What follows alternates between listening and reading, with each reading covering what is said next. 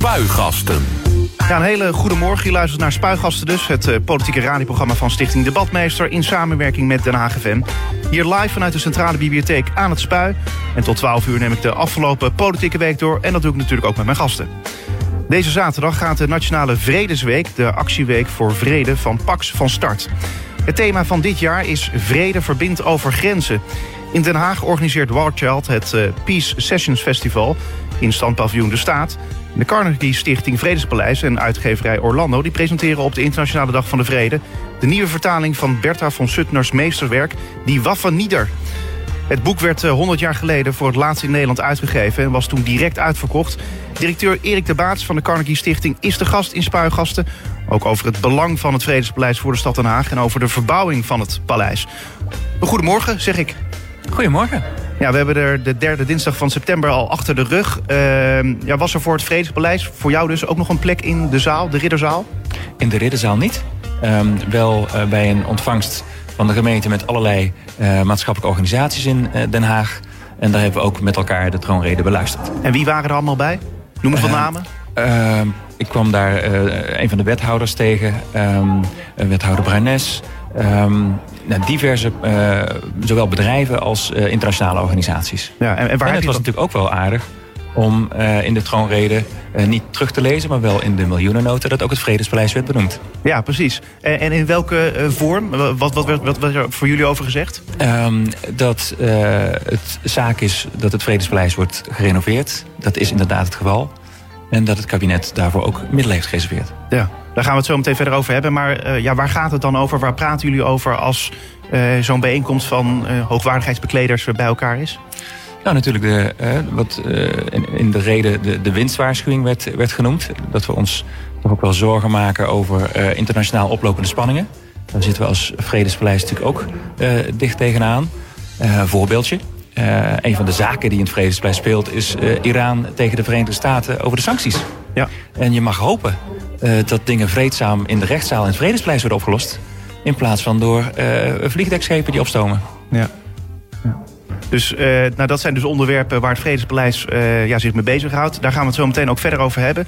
Ehm, maar ook, ja, je hebt een politieke achtergrond. Je was in 2007 was je nog kandidaat voorzitter van de Partij van de Arbeid.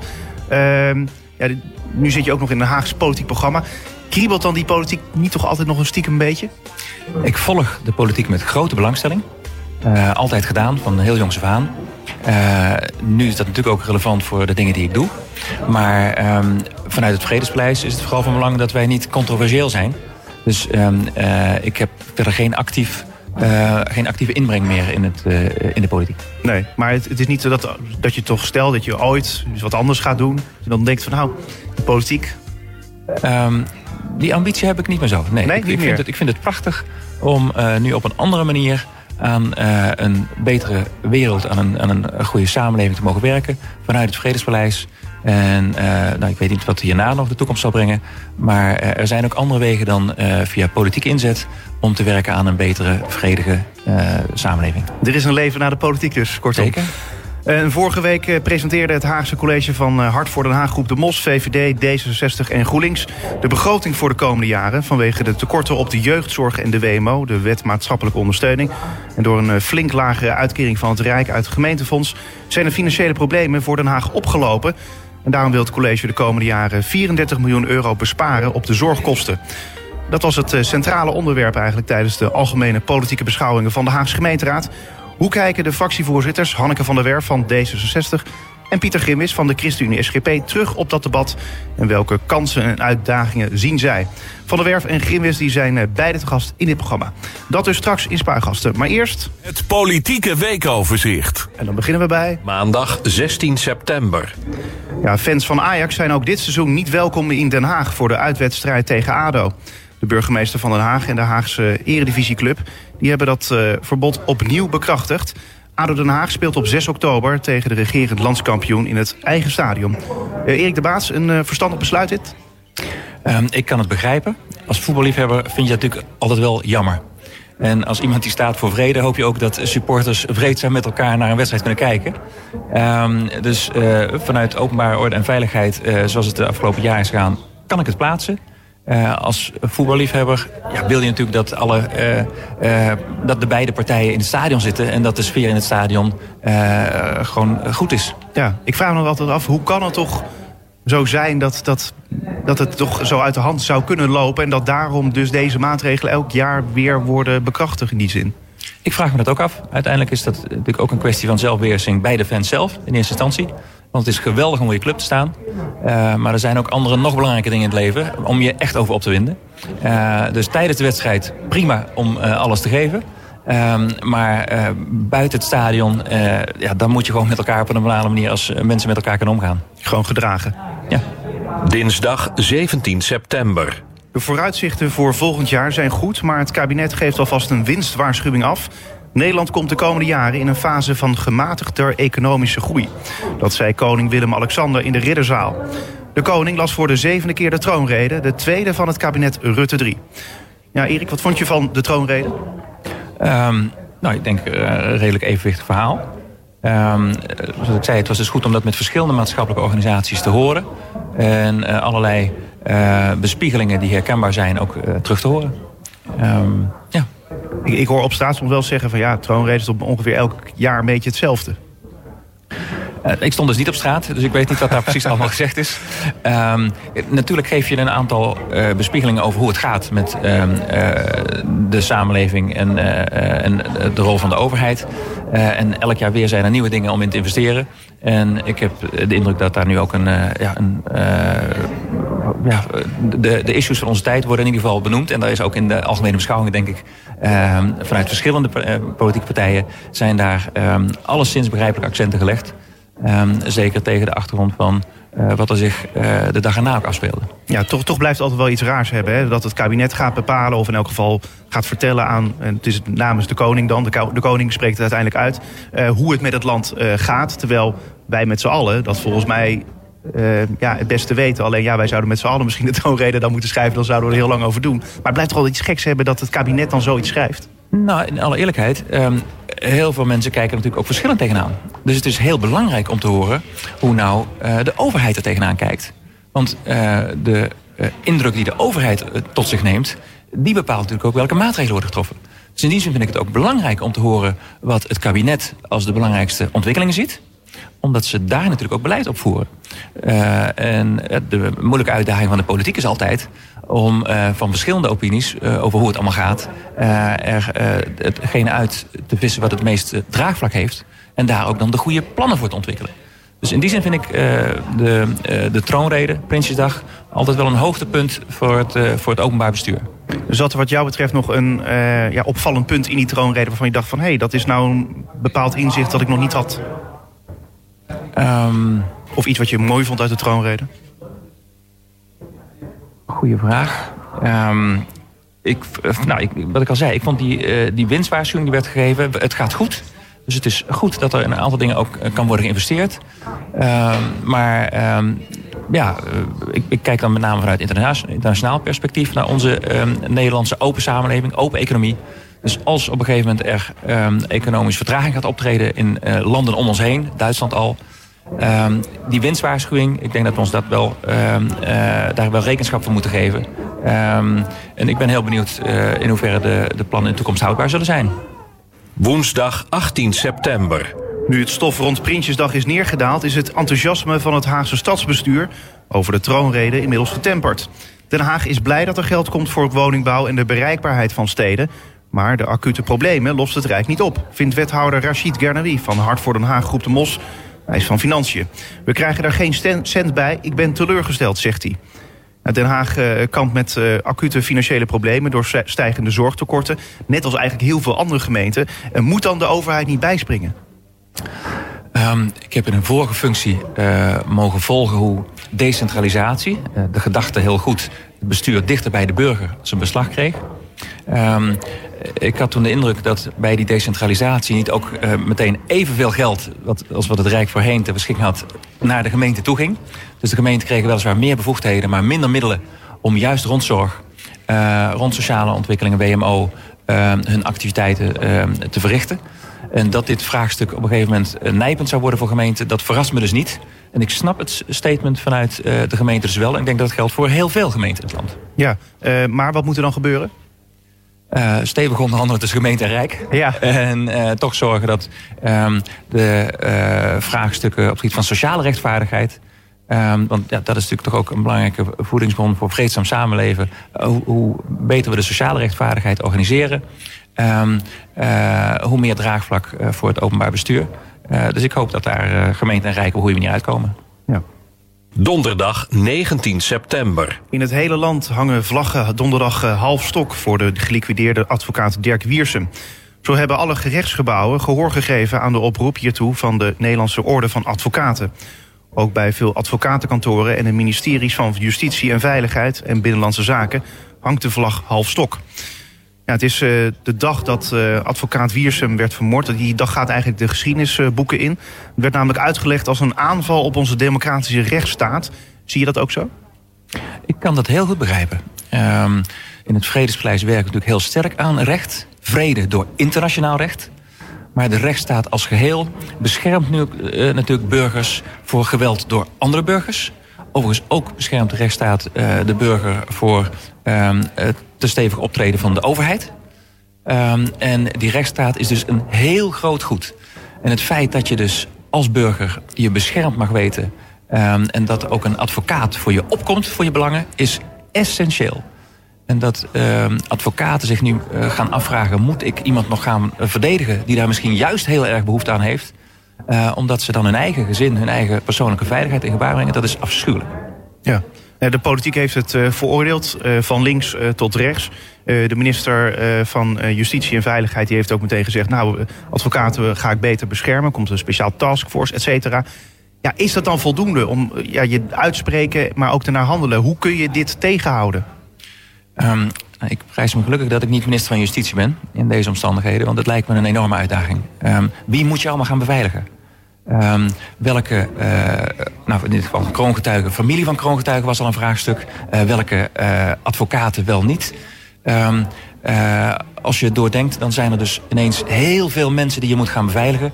Als je de bron niet aanpakt. Namelijk hoe mensen hun geld verdienen op een illegale manier. En um, hoe mensen elkaar naar het leven staan als ze daarin worden um, ja, opgespoord. Dus um, ik hoop dat uh, die opsporing, die bron kan worden aangepakt. Zodat zoveel mogelijk mensen in ja, vrijheid kunnen rondlopen zonder al te veel beveiliging. Vrijdag 20 september. Werkgevers en werknemersorganisaties vinden dat er een quote moet komen om bedrijven te dwingen meer vrouwen in de top aan te nemen. Ook moet er meer culturele diversiteit komen in de raden van bestuur en raden van commissarissen. Dat staat in een nieuw advies van de Sociaal-Economische Raad, de SER, waarin wordt geconcludeerd dat het aantal vrouwen in topfuncties nu te langzaam stijgt. Hoe zit dat eigenlijk bij de Carnegie Stichting? Wij hebben um, uh, in ons managementteam twee dames en onze laatste uh, benoeming was dus ook een dame. En daar ben ik heel erg blij mee. Uh, ons managementteam bestaat uit vijf personen. Dus uh, een quotum van 40% zouden we halen. Ja. Uh, en ik vind in de algemeenheid die, die ontwikkeling belangrijk. en ik vond het dus ook leuk om bij een aantal vacatures die we hadden... ook te zien dat de kandidaat die boven kwam, kwam drijven... gewoon op basis van kwaliteiten... dat het in een aantal posities ook steeds een dame was. Ja, het lastige aan deze discussie is altijd hè, van... ja, je moet niet per se vrouwen nemen omdat het een vrouw is. Je moet volgens mij altijd kijken naar kwaliteit. Hè? Uh, alleen ja, het, het wrangen aan die discussie is van... ja, uh, vrouwen zouden soms minder geneigd zijn om uh, voor bepaalde posities te gaan dan mannen. Dus je moet ze wel een duwtje in de rug geven. Um, ja, uiteindelijk kun je, denk ik als werkgever... toch alleen maar kiezen uit degene die zich aanmelden. Ja. En um, daar moet je dan inderdaad kiezen op basis van kwaliteit. Dan kun je bij gelijke geschiktheid nog uh, andere factoren laten, uh, laten wegen. Ik denk dat het helemaal geen discussie hoeft te zijn... of dat vrouwen niet die kwaliteit zouden, zouden leveren. Nee. Dat is denk ik een achterhaalde discussie. Um, als we uh, gewoon benoemen op kwaliteit... dan zullen vrouwen ook evenrediger vertegenwoordigd raken. Ja. Toch, als ik kijk naar de top van de Carnegie Stichting... jij bent een man en Pieter Hein Donder is ook een man... Wordt het niet tijd voor een vrouw dan? Um, Donner is um, recent pas benoemd. Um, en ik heb het voorlopig ook nog naar mijn zin. um, ik zeg ook niet dat je weg moet. Er is nog een hoop te doen. dus uh, voorlopig is het daar niet aan de orde. We hebben dus bij een vacature die er wel was... Um, uh, gelukkig een, een, zeer competente collega kunnen uh, benoemen. En um, nou, op het moment dat er ook bestuurlijk weer een vacature komt... dan moeten we kijken wie daar via koninklijk besluit voor in aanmerking zou komen. Zaterdag 21 september. In diverse plaatsen in Nederland wordt zaterdag stilgestaan bij de Internationale Dag van de Vrede. Met name in Den Haag, internationale stad van vrede en recht, worden zaterdag en ook morgen, zondag, diverse evenementen gehouden. In de Hofstad vinden onder, onder meer een eh, vredesloop dwars door de stad en eh, het Just Peace Festival plaats. De Haagse Internationale Open Dag is onderdeel van het festival. En op zondag zijn in Den Haag vele instellingen en organisaties te bezoeken... die dagelijks werken aan vrede en of recht. Door de deuren te openen willen zij de bezoekers een kijkje in de keuken geven. Ja, wat kan jij nou nog uh, op deze dag aanraden om te bezoeken in Den Haag? Los van het Vredespaleis misschien? Um, het Vredespaleis is altijd de moeite waard te bezoeken. Dus ik raad uh, mensen aan om de website van het Vredespaleis nauw te volgen... en te kijken wanneer er weer rondleidingen mogelijk zijn. Dat kan niet altijd, omdat... Um, de zittingen in het, uh, van de hoven in het Vredespaleis... Uh, ja, die kunnen niet altijd met, met publiekstoegang. Um, onze activiteiten voor dit weekend zijn eigenlijk uh, helemaal uitverkocht. Dus we hebben een boekpresentatie van een prachtig boek. de Wapens Neer. van de eerste vrouwelijke Nobelprijswinnares wat we uitbrengen. Um, we hebben um, een, een film.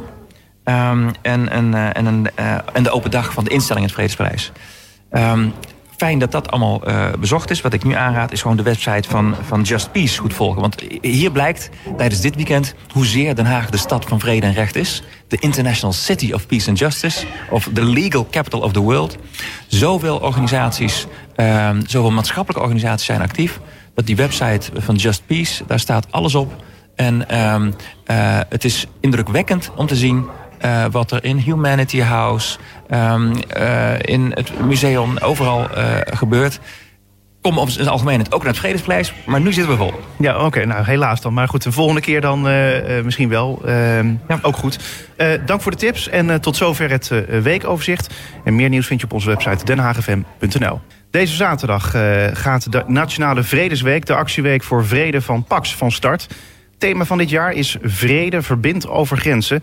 De Carnegie Stichting Vredespaleis en uitgeverij Orlando... die presenteren op de Internationale Dag van de Vrede... de nieuwe vertaling van Bertha von Suttners meesterwerk... Die Waffen Nieder, oftewel De Wapens Neer. Het eh, boek eh, werd 100 jaar geleden voor het laatst in Nederland uitgegeven... en was toen direct uitverkocht. Directeur Erik de Baats van de Carnegie Stichting is de gast in Spuigasten... ook over het belang van het Vredespaleis voor de stad Den Haag... en over de verbouwing van het paleis. Maar eerst even, Erik, ja, waarom is het nou belangrijk dat we daarbij stilstaan, vrede? Het is elk jaar. Um, ik denk als we uh, de beelden die we regelmatig via onze mobieltjes tot ons krijgen van conflicten uh, in uh, gebieden, nou, afgelopen jaren Syrië, nu Jemen, andere gebieden in, in de wereld, dan realiseer je dat het maatschappelijk leven zoals wij dat nu kennen, rondfietsen op straat, ik kijk eruit op het spui, dat kan daar niet. Um, je bedrijf ontplooien kan daar niet. Um, dus vrede is de basisvoorwaarde uh, waarmee wij ons pas als individu en als gemeenschap kunnen ontplooien. Uh, dus vrede is cruciaal um, voor uh, nou de, de, wereld als geheel. en we moeten dus ook continu moeite blijven doen om dat te behouden. En dan maar even terugkomen op dat boek, inderdaad, Bertha van Soetner. Zij, zij schreef dat boek uh, tien jaar voor de Haagse Vredesconferenties 1899... waarin het Vredespaleis eigenlijk uh, is ontstaan als, als gedachte. Althans het permanent hof arbitrage. En um, daar schreef zij op een hele persoonlijke manier... Uh, de verschrikkingen van oorlog. En voelde de noodzaak van, hier moeten we wat aan doen. En het mooie is, zij heeft zich ook als activiste vervolgens... ingezet voor zo'n Haagse Vredesconferentie... en voor de uitkomsten daarvan... Dus ik zou in eerste instantie zeggen, koop dat boek. De wapens neer van Bertha van Soeten. En zorg dat het weer uitverkocht raakt. Precies. Precies, laten we dat uh, meer dan een eeuw later ook doen. Uh, vooral omdat we helaas het vraagstuk van oorlog en vrede nog niet hebben opgelost. Nee. Nou, dan uh, is het, denk ik, bij te weinig mensen bekend... wat het Vredespaleis allemaal doet voor de wereldvrede. Het is echt vrede in actie, elke dag. Um, wat tijdens die vredesconferentie 1899... met ook ideeën van Bertha van Soetner tot stand kwam... was de gedachte van vrede door recht. Wat als je nou niet meer je conflict... toen waren het nog vooral staten. Toen waren er niet non-state actors als allerlei uh, groeperingen die we nu kennen. Um, um, als nou staten hun geschil niet op het slagveld uitvechten, uh, maar in de rechtszaal. Dus in plaats van jonge jongens en meisjes naar het front sturen die het leven laten, stuur je je topjuristen die voor je land strijden in de rechtszaal. En zo wordt verlies van goed en mensenlevens voorkomen. Nou, die gedachte leidde tot het opzetten van het permanent hof van arbitrage. En dat was vervolgens de opmaat om een vredespleis te bouwen... waar het permanent hof van arbitrage gehuisvest zou zijn. Ja. Nou, als je dan zo'n vredesconferentie voorstelt... Uh, toen kwamen ze nog voordat het vliegtuig was uitgevonden door de broers Wright... Uh, met stoomboten uit Argentinië, um, uit China met uh, trein en koetsen. En na weken van vergaderen... Werd toen het besluit genomen... oké, zo'n permanent of, of een arbitrage. Er werd ook trouwens iets over luchtrecht... Uh, nu nog steeds actueel met drones mm -hmm. uh, besloten. Uh, en toen was de vraag, waar moet dat gehuisvest zijn? Die diplomaten hadden het geweldig naar hun zin in Den Haag. Um, en besloten werd, bouw het maar in Den Haag. Ja. En nog steeds op de dag van vandaag zijn er dus heel wat zaken... grote internationale conflicten. Nu ook door het tweede hof wat daar zit. Het enige hoofdorgaan van de Verenigde Naties... dat niet in New York zit zoals de uh, Veiligheidsraad en de algemene uh, uh, vergadering van de VN. Maar het internationaal gerechtshof van de Verenigde Naties, het juridische orgaan, dat zit in Den Haag. En als je dan een beetje gevoel krijgt voor de zaken, Iran tegen de Verenigde Staten. Op dit moment een hangende zaak over de sancties. En je mag toch hopen dat in plaats van vliegdekschepen die opstomen, dat de juristen in het Vredespaleis de zaak kunnen oplossen. een paar andere zaken, Oekraïne tegen Rusland. Um, we hebben recent een zaak gehad tussen India en Pakistan. En Pakistan heeft alweer aangekondigd uh, een zaak te, te starten. Hoe meer we in Den Haag, in het Vredespaleis... dit soort grote vraagstukken op kunnen lossen... Uh, hoe meer mensenlevens we kunnen sparen. En uh, nou, dat is het belang van um, het paleis voor de wereld. Voor mensen, mensenlevens. Als je dan kijkt naar wat er aan economische activiteit voor Den Haag uit is voortgekomen. We hebben nu in totaal enorm veel internationale organisaties... Uh, dat is goed geweest voor onze bouwsector. Dat is goed voor de horeca. Want uh, daar moet worden geluncht, uh, overlegd, vergaderd, zalen gehuurd. er moeten inkomende gasten in de hotel, hotels kwijt. Dus de, economie van Den Haag bloeit door die stad van vrede en recht. En dat is allemaal begonnen met Vredesprijs. Ja. En nog steeds hebben we zoveel zaken. Ja. dus het belang van een eigenlijk vredespaleis voor Den Haag heb je al in die zin beschreven. Uh, nou is het wel hard nodig dat het, het, het Vredespaleis ook uh, ja, in deze hoedanigheid blijft staan. Uh, er is een verbouwing aangekondigd. Uh, maar er moest ook geld voor zijn. Maar dat geld is er nu. Ja, wij zijn heel dankbaar met het feit dat het kabinet heeft besloten geld vrij te maken voor renovatie. Dat was nodig, omdat um, toen het paleis werd gebouwd toen uh, wilden allerlei landen het allerbeste geven. Dus er zit prachtige kunst in, wat je ook in de rondleiding het Vredespleis kunt zien. Maar werd ook de beste uh, materialen werden toegepast. En eigenlijk voordat het industrieel werd toegepast, was toen ook asbest. Een uh, heel innovatief materiaal. Nou, inmiddels weten we iets meer van de gezondheidseffecten ervan. En dat moest worden aangepakt. Dus het was noodzakelijk om te doen. En nogmaals, we zijn dankbaar dat het kabinet dus nu heeft besloten om uh, dat asbest uh, te saneren. Dat betekent nogal wat. Dan moet je ook gaan renoveren. En dan kijk je natuurlijk ook hoe verder. Ja, uh, is al duidelijk van wanneer er dan kan worden begonnen aan die renovatie? Dat zal nog uh, de nodige tijd vergen. Je moet je voorstellen um, dat uh, er moet nog over allerlei uh, voorwaarden worden gesproken. Um, er, moet, um, er moeten ontwerpen worden gemaakt en helemaal gefine-tuned. Dat moet in bestekken, zoals het in de bouw ge gebruikelijk is, worden vertaald. Daar moeten goede contracten over worden gesloten.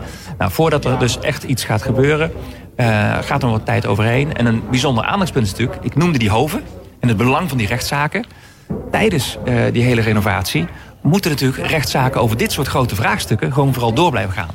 Dus um, uh, huisvesting voor, um, voor die hoven en, en die op het Vredespaleis werkzaam is aan de vrede. Uh, dat moeten we ook tijdens de renovatie blijven regelen. En dat is een grote uitdaging de komende tijd. Ja, uh, en uh, nou ja, goed, als het, als het gewoon uh, door moet gaan ehm, ja, tijdens, die, tijdens die verbouwing. Ik vraag me nou wel een beetje af. Ja, er is heel veel geld mee gemoeid. kijk even naar het Binnenhof. Een beetje eenzelfde soort. ja, het zijn wat oudere gebouwen. -huh. ja, een beetje verkeerde architect gekozen. Het kan zomaar uit de klauwen lopen, hè? Ik weet het fijne niet uh, van datgene wat er um, in het Binnenhof is gebeurd. Dus ik wil daar ook niet te veel over zeggen. Uh, dat het heel complex is om met verschillende organisaties um, uh, tot een goede aanpak te komen, dat lijkt me duidelijk. Als je realiseert dat um, er wordt een hoop geld vrijgemaakt. Dus uh, financiën en de, de behoefte van de financier om dingen binnen budget te houden zijn heel logisch. Ja. Um, uiteindelijk werkt de financier er niet, maar werken die hoven er. Dus de behoefte van die hoven uh, voor hoe werken zij op een goede manier met de huidige stand der techniek. Daar moet je over nadenken. En daarnaast, het is een rijksmonument. Het is zelfs Europees erfgoed. Dat heeft het European Heritage Label. Dus ook um, het bevoegd gezag op die van monumentenzorg... zowel de gemeente Den Haag als uh, de Rijksdienst voor het Cultureel Erfgoed... Uh, die zijn natuurlijk betrokken. En samen moeten we kijken hoe gaan we die transformatie van het monument nu... nog met asbest, naar uh, een monument wat weer decennia vooruit de vrede kan dienen... en goed huisvesting kan bieden aan um, die hoven. Misschien ook nog uh, uh, een beetje toegankelijk is voor het publiek... zonder dat die hoven ook maar enigszins uh, iets, iets, in de weg wordt gelegd. Um, hoe kun je dat organiseren? Nou, het duurt nog wel even voordat we uiteindelijk een schop in de grond zullen hebben. Ja, tot slot, ja, vandaag Internationale Dag van de Vrede. wat staat er nog op het lijstje van Erik de Baats? Um, we hebben de Peace Run. Uh, met ook een koor wat uh, vanavond uh, op het Carnegieplein voor het Vredespaleis zal optreden. Um, uh, morgen is het open dag in het Vredespaleis en zal de Haagse Academie voor Internationaal Recht, die elk jaar duizend studenten uh, opleidt uit meer dan 100 landen om aan vrede door recht te werken. Um, een open dag van het Permanent Hof Arbitrage, het allemaal mee is begonnen, meer dan een eeuw geleden. Van het Internationaal Gerechtshof, dat hoofdorgaan van de UN. Nou, daar zal ik natuurlijk bij zijn. Er is vanavond in de tuin van het Vredespaleis uh, een film uh, ook over de, de impact uh, van oorlog. En uh, ja, natuurlijk ook een, een appel. We doen dat samen met, met Humanity House en, House en het, het Rode Kruis. Om te zorgen dat we dit alsjeblieft voorkomen met elkaar. en ik zou willen dat meer mensen beseffen hoe belangrijk het is... dat die weg van vrede door rechter is. Dat het vredespleister is. En dat leiders worden opgeroepen om hun zaak naar het vredespaleis... hun conflict naar het vredespaleis te brengen... Uh, en daar zijn al die activiteiten die we doen, open huis, et cetera, op gericht. Ik hoop dat ze luisteren. Erik de Baats van de Carnegie Stichting, dankjewel. Dankjewel. Spuigasten, het politieke radioprogramma van Debatmeester. Met Ivar Lingen. Vorige week presenteerde het eh, Haagse College van eh, Hart voor Den Haag Groep de Mos, VVD, D66 en GroenLinks de begroting voor de komende jaren. Vanwege de tekorten op de jeugdzorg en de WMO, de wet maatschappelijke ondersteuning, en door een flink lagere uitkering van het Rijk uit het gemeentefonds zijn de financiële problemen voor Den Haag opgelopen. En daarom wil het college de komende jaren 34 miljoen euro besparen op de zorgkosten. Dat was ook het centrale onderwerp tijdens de algemene politieke beschouwingen van de Haagse gemeenteraad. Hoe kijken de fractievoorzitters Hanneke van der Werf van D66 en Pieter Grimwis van de ChristenUnie SGP terug op dat debat? En welke kansen en uitdagingen zien zij voor de stad? Van der Werf en Grimwis die zijn beide te gast in Spuigast. Ik zeg goedemorgen. Goedemorgen. Ja, zeiden ze in koor. Uh, Pieter, uh, veel uh, lof voor jou vanuit de gemeenteraad en het college. Want je had een tegenbegroting gemaakt. Welke andere keuzes maak jij dan, dan het college? Nou ja, toen ik de begroting had gelezen, dacht ik van ja, kritiek is altijd makkelijk. Dus, maar ik, ik kwam natuurlijk met kritiek, maar ik dacht, dan moet ik ook met een alternatief komen. Dus ik heb inderdaad een alternatief uh, gemaakt. Nou, ik maak me grote zorgen inderdaad over, uh, in mijn ogen, de wat eenzijdige keuze van het college om uh, de tekorten alleen maar te, op te lossen ja, binnen de zorg en binnen de jeugdhulp, grotendeels. En, en niet iets extra's te vragen van mensen die dat best wel kunnen missen in onze stad. En uh, ik heb dus inderdaad uh, niet voor gekozen om die hele bezuiniging terug te dragen, draaien. Want ik zie heus wel dat het hier en daar beter moet. We hebben eerder dit jaar als fractie ook bijvoorbeeld die zorgcowboys aan de orde gesteld. Die met grote winsten thuiskomen uh, uit de thuiszorg. Nou, dat is niet de bedoeling van ons uh, belastinggeld en van het zorggeld. Uh, er is fraude, er kunnen dingen absoluut efficiënter. er staan inderdaad scootmobielen te verroesten waarvan je denkt van... hé, hey, waarom doen we dat niet beter? Dus, dus ik heb de helft van de bezuinigingen geaccepteerd. Maar dat deel van de bezuinigingen wat echt te maken heeft met inkoop... met, met, met, met uurtarieven, met zorg aan mensen... ja, daar, die heb ik wat getemperd. En ik vraag daar in ruil wat extra uh, OZB, hè, onroerend zaakbelasting... die woningeigenaren betalen, 2 euro extra per maand. Ja, dat is de prijs die, uh, die, die ik daar dan, uh, of die de mensen daar dan voor betalen. Daarnaast heb ik wat andere keuzes gemaakt. bijvoorbeeld de, de, de wethouder bezuinigt heel makkelijk op ambtenaren... hij grijpt heel veel geld uit de reserves en legt dus daarmee de rekening deels neer bij een volgend college. Nou ja, kortom, naast die eenzijdige keuze om echt puur te bezuinigen op uh, zorg en op uh, de toekomst, heb ik uh, gekozen voor de toekomst en voor iets meer zorg aan mensen. Ja, laten we even naar Hanneke van der Werf van D60 gaan. heb jij al serieus gekeken naar die tegenbegroting van Pieter Gimwis? Het was wel een boekwerk, dus ik weet niet of je er tijd voor hebt gehad.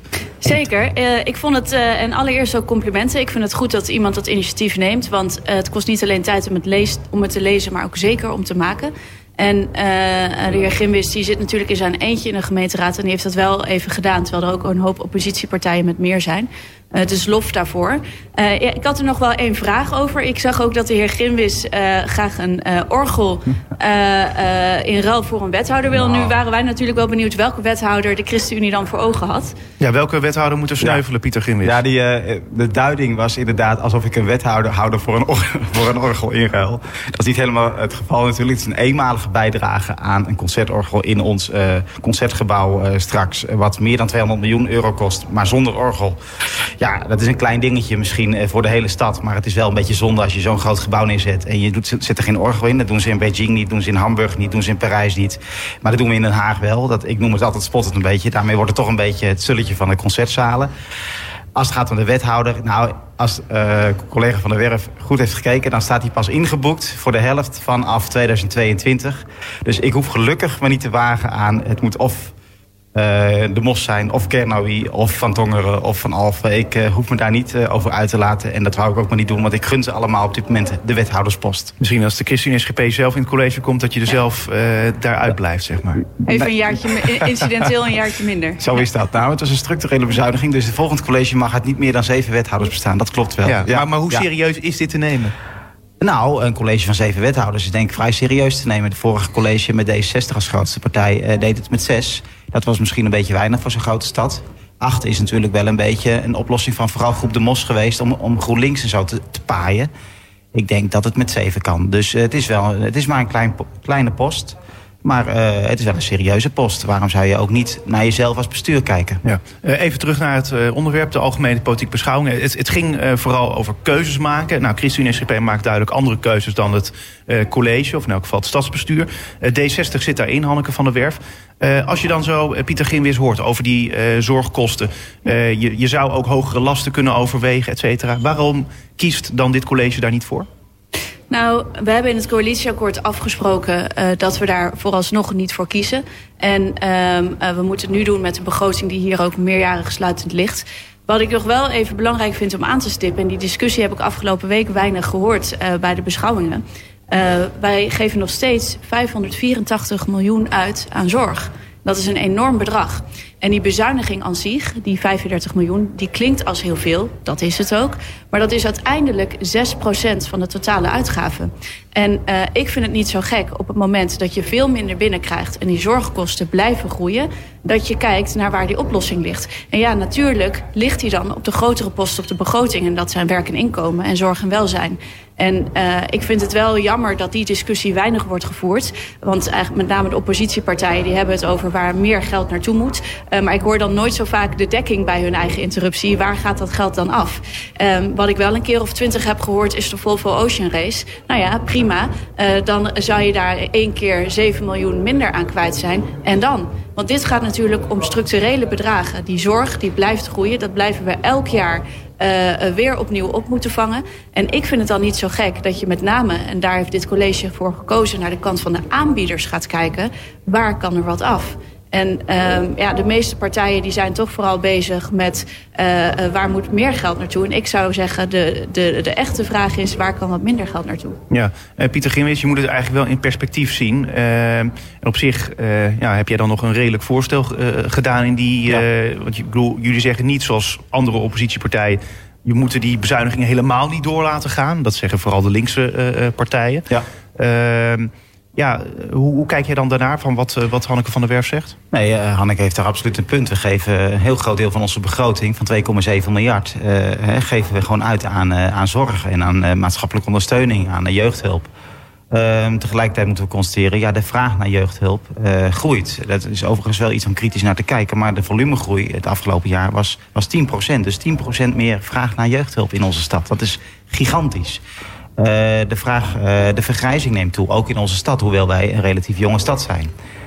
kortom, er is een enorme druk op de zorgvraag en op de, dus het zorgbudget. Ehm, ja, daarbij passen gewoon geen eenzijdige oplossingen. Maar inderdaad, je moet het wel in perspectief zien. De, maar er komt bij bijvoorbeeld hè, vanochtend de opening van uh, AD Den Haag, een ander medium.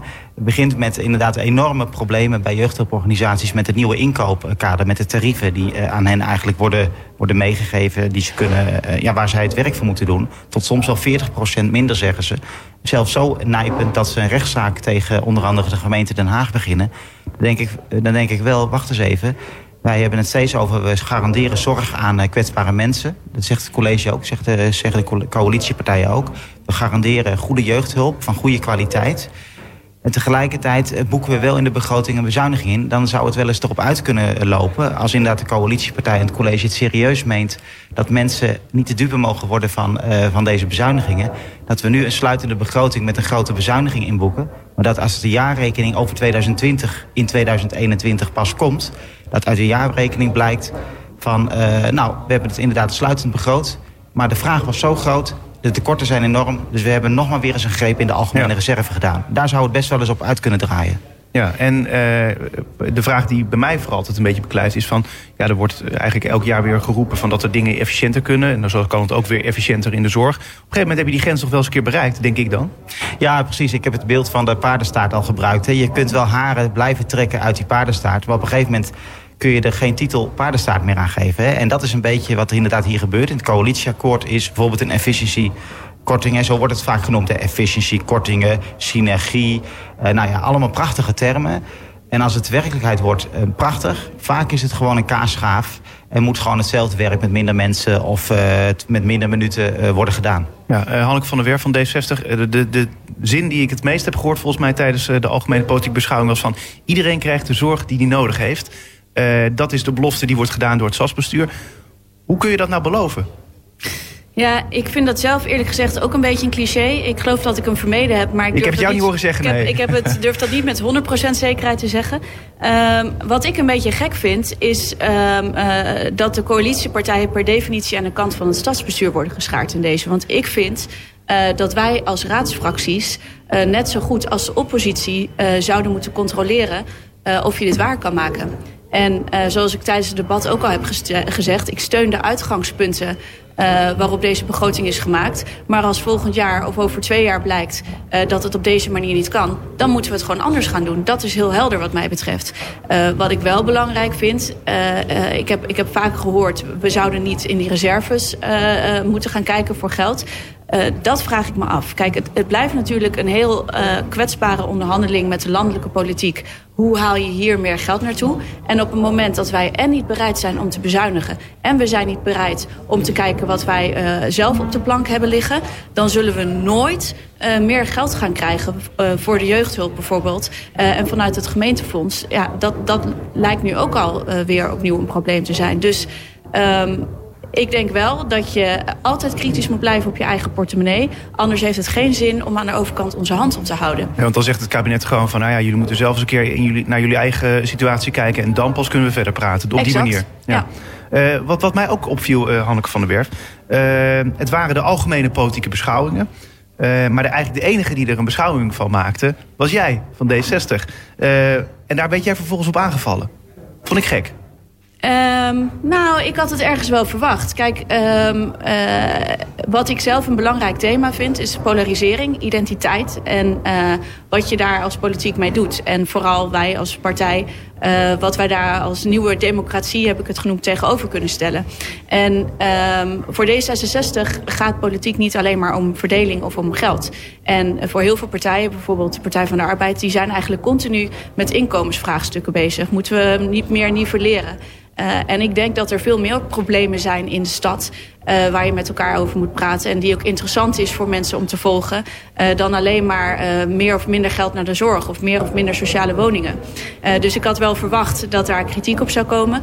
maar ik vind dat helemaal niet erg. Want kijk, we voeren hier ook twee debatten over. We hadden afgelopen week de algemene politieke beschouwingen. en in november gaan we het over de begroting hebben. Ja, en als andere partijen ervoor kiezen om twee keer een soort gelijke inbreng te leveren... dan vind ik dat zelf een beetje saai. Ja. Uh, Pieter Gimwis, waarom niet gekozen voor echt een beschouwing op de stad? Nou, volgens mij zat ik redelijk dicht tegen een beschouwing. Alleen ik heb ervoor gekozen om een paar concrete voorstellen uit te werken. Ik heb, ik heb een tegenbegroting gemaakt omdat inderdaad uh, de, de bezuiniging op zorg wel het grote nieuws was van deze begroting. Dus dan is het wel logisch om het daar met elkaar over te hebben. Dat is één. En twee, ik heb een initiatiefvoorstel uh, van het lachgas afgemaakt. Uh, met een aantal gerichte maatregelen om het, het gebruik van lachgas, lachgas het grote, de grote toename van het gebruik, ook in onze stad onder vooral jongeren. Met soms uh, dodelijke auto-ongelukken tot gevolg en uh, dwarslesies, et cetera. Dat zijn de extreme, maar uh, het levert ook overlast op om dat aan te pakken. Omdat we al een paar jaar vragen aan het college, het vorige college, dit college, van doe er wat aan. En het, ja, het blijft zo stil vanuit het bureau van de burgemeester. Dus ik heb zelf een concreet initiatiefvoorstel gedaan. Dat is een recht wat een raadslid heeft.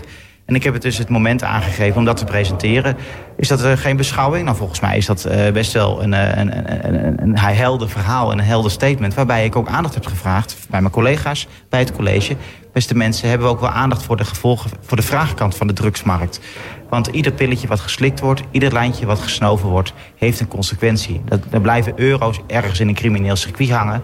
Nou ja, we hebben deze week natuurlijk een heel triest uh, dieptepunt daarvan meegemaakt met de, uiteindelijk de afrekening uit het criminele circuit met notabene een advocaat. De last man standing in onze rechtsstaat. Ja. Dus uh, ik denk dat, uh, dat ik het moment heb aangegrepen om dat onderwerp... die vraagkant van de drugsmarkt... en wat er uiteindelijk mee met het geld gebeurt... en wat de consequenties zijn voor onze manier van samenleven... dat heb ik aan de orde gesteld. Nou, dat lijkt mij toch wel een algemene beschouwing waardig. Nou, vooruit. Uh, ik reken het goed. Uh, wat mij ook opviel was dat het debat ging ook over de tweet van Arnold van Doorn. Uh, die, die vanuit zijn Twitter-account was geplaatst over de knuffelactie van, uh, van ADO Den Haag in de Kuip. Uh, in de tweet stond dat de actie alleen voor blanke, zieke kindertjes was. En hij gaf vervolgens zijn overijverige stagiair de schuld. Hij heeft ook excuses aangeboden voor, voor die tweet. Ehm, waarom vielen jullie hem hierop aan eigenlijk, Hanneke van den Berg? Nou, uh, wat mij heel erg stoort is, uh, los van de stijl en de woordkeuze die de heer Van Doorn uh, vaak gebruikt, is dat hij gewoon heel erg weinig doet. En uh, ik vind dat je het uh, heel erg met elkaar eens, uh, oneens kan zijn of eens kan zijn in de raad. Maar ik vind vooral dat je gewoon je werk moet doen. Je bent namelijk gewoon gekozen om op kosten van de belastingbetaler iets voor de stad te doen. En op het moment dat je 9 van de 10 keer afwezig bent en daar ook nog eens over liegt tijdens je aanwezigheid, dan vind ik dat je je heel diep mag schamen. En uh, dat is iets waar ik hem altijd op aan zal blijven spreken. Ik zag dat een aantal collega's de zaal verlieten op het moment dat hij het woord nam. Uh, ik vind dat zelf niet verstandig. Uh, en ik denk, ook, ik denk ook dat het heel belangrijk is dat mensen die zo'n debat volgen of die in de zaal zijn, zien dat dat gedrag gewoon niet getolereerd wordt. En ik vind dat we met elkaar uh, ook uh, elkaar daarop aan mogen spreken. Ja, maar goed, als Arne van Doorn gewoon... Uh, ja, hij is volksvertegenwoordiger, hij is, hij is gekozen... gewoon zijn eigen pad kiest... dan staat het toch helemaal vrij om te doen en laten wat hij wil. Ja, maar als je dan uh, in de raad komt op het moment dat je uh, buiten de raad zulke teksten bezig... dan moet je natuurlijk niet verwachten dat je met alle egaars binnen wordt gehaald... en ervoor je wordt geapplaudiseerd op het moment dat je het woord neemt. Uh, wat dat gebeurt laat... bij jou ook niet? Dat gebeurt bij mij ook niet. dat zou natuurlijk anders moeten zijn. Maar uh, nee, ik, uh, alle gekheid op een stokje. Uh, ik vind, het, um, ik vind het heel jammer dat hij dat podium niet gebruikt om iets voor zijn achterban te doen. Uh, want het enige wat ik zie gebeuren is dat hij mensen tegen elkaar opzet. Uh, en eigenlijk, uh, als we het over polarisering hebben, daar een hele grote factor in is vanuit de gemeenteraad. En ik vraag me nou echt af, wie heeft daar nou baat bij? Ja. Ik vind, ja, ik vind echt, uh, Arnold van Doorn zegt, uh, hè, omdat hij zo'n enorme aanjaag, uh, aanjager is van polarisatie in onze gemeenteraad, in onze stad en onder jongeren. Ik vind hem echt een gevaar voor onze gemeenteraad, voor onze jongeren, voor onze stad. Hij is er alleen maar op uit om, om, om, om, nou ja, om, om inderdaad tweedracht te, te, te, te scheppen. Zijn partij noemt hij Partij van de Eenheid, maar het is de Partij van de Tweedracht. Um, Arnold van Doorn verdient inderdaad, het is natuurlijk voor iedereen een vraag, hoe pak je zo iemand dan aan? In het debat. Ik heb inderdaad ervoor gekozen om hem gelijk aan te spreken van... van schaam je je nou niet helemaal kapot voor, voor je gedrag op Twitter... voor zo'n zo'n goede actie van knuffels voor kinderen in het Kindersofia ziekenhuis... die uh, inderdaad ziek zijn zonder aanzien des persoons. Hè, want wie je ook bent, iedereen kan vreselijk ziek worden... En dat hij dat gelijk uh, aangrijpt om zijn, uh, ja, zijn, zijn, zijn uh, saus er weer overheen te leggen. Zijn polarisatieagenda eroverheen te gooien. Ik vind dat heel erg. En je zei dat hij excuses had gemaakt. Nou, dat heeft hij niet. Hè. Hij heeft afstand ja, dat zegt genomen. hij zelf wel. Ja. ja, maar hij heeft afstand genomen. En des gevraagd op van, biedt u dan ook excuses aan? hebt u er niet enorme spijt van? Daar liet hij je toch eh, lopen en liet hij dat in het midden. Hij eh, zei een beetje van nou afstand nemen en excuses maken is ongeveer hetzelfde. Nou, niet helemaal. En het is gewoon, ja, het is ieder woord wat die we aan hem besteden en aan zijn manier van politiek bedrijven is eigenlijk een woord te veel. En anderzijds, hij is gekozen, hij zit in ons democratisch orgaan en dus verdient hij weerwoord. En dat heb ik geprobeerd hem te geven. Ja. Nou, als ik, als ik daar nog even op aan mag sluiten. Wat ik jammer vond, is nadat hij aan het woord was geweest... zag ik uh, zowel op Omroep West als uh, op de AD Haagse Krant... op de app alweer een artikel daarover verschijnen. Um, en ergens vind ik, uh, ja, hij moet dat weerwoord krijgen... maar de massale aandacht die dit elke keer krijgt... vind ik eigenlijk zonde. Ja. Wat mij betreft had er een extra uh, artikel mogen staan... over een ander debat over uh, wat met de beschouwingen te maken had. Maar ik heb ergens altijd de indruk dat hij het ook wel weer mooi vindt... om in het ja. nieuws te zijn, no matter what. Ja. En ook daarvan zou ik zeggen... nou, misschien is die pagina of die klik wel iets anders meer waard. Ja, uh, laten we het uh, de volgende keer gewoon weer hebben dan over uh, de echte beschouwingen en over de begroting. dit was Spuiggast voor deze week. ik dank Hanneke van der Werf van D60 en ik dank ook Pieter Ginwis van de ChristenUnie SGP voor jullie aanwezigheid hier. Dankjewel. Dankjewel. En tot volgende week zou ik zeggen.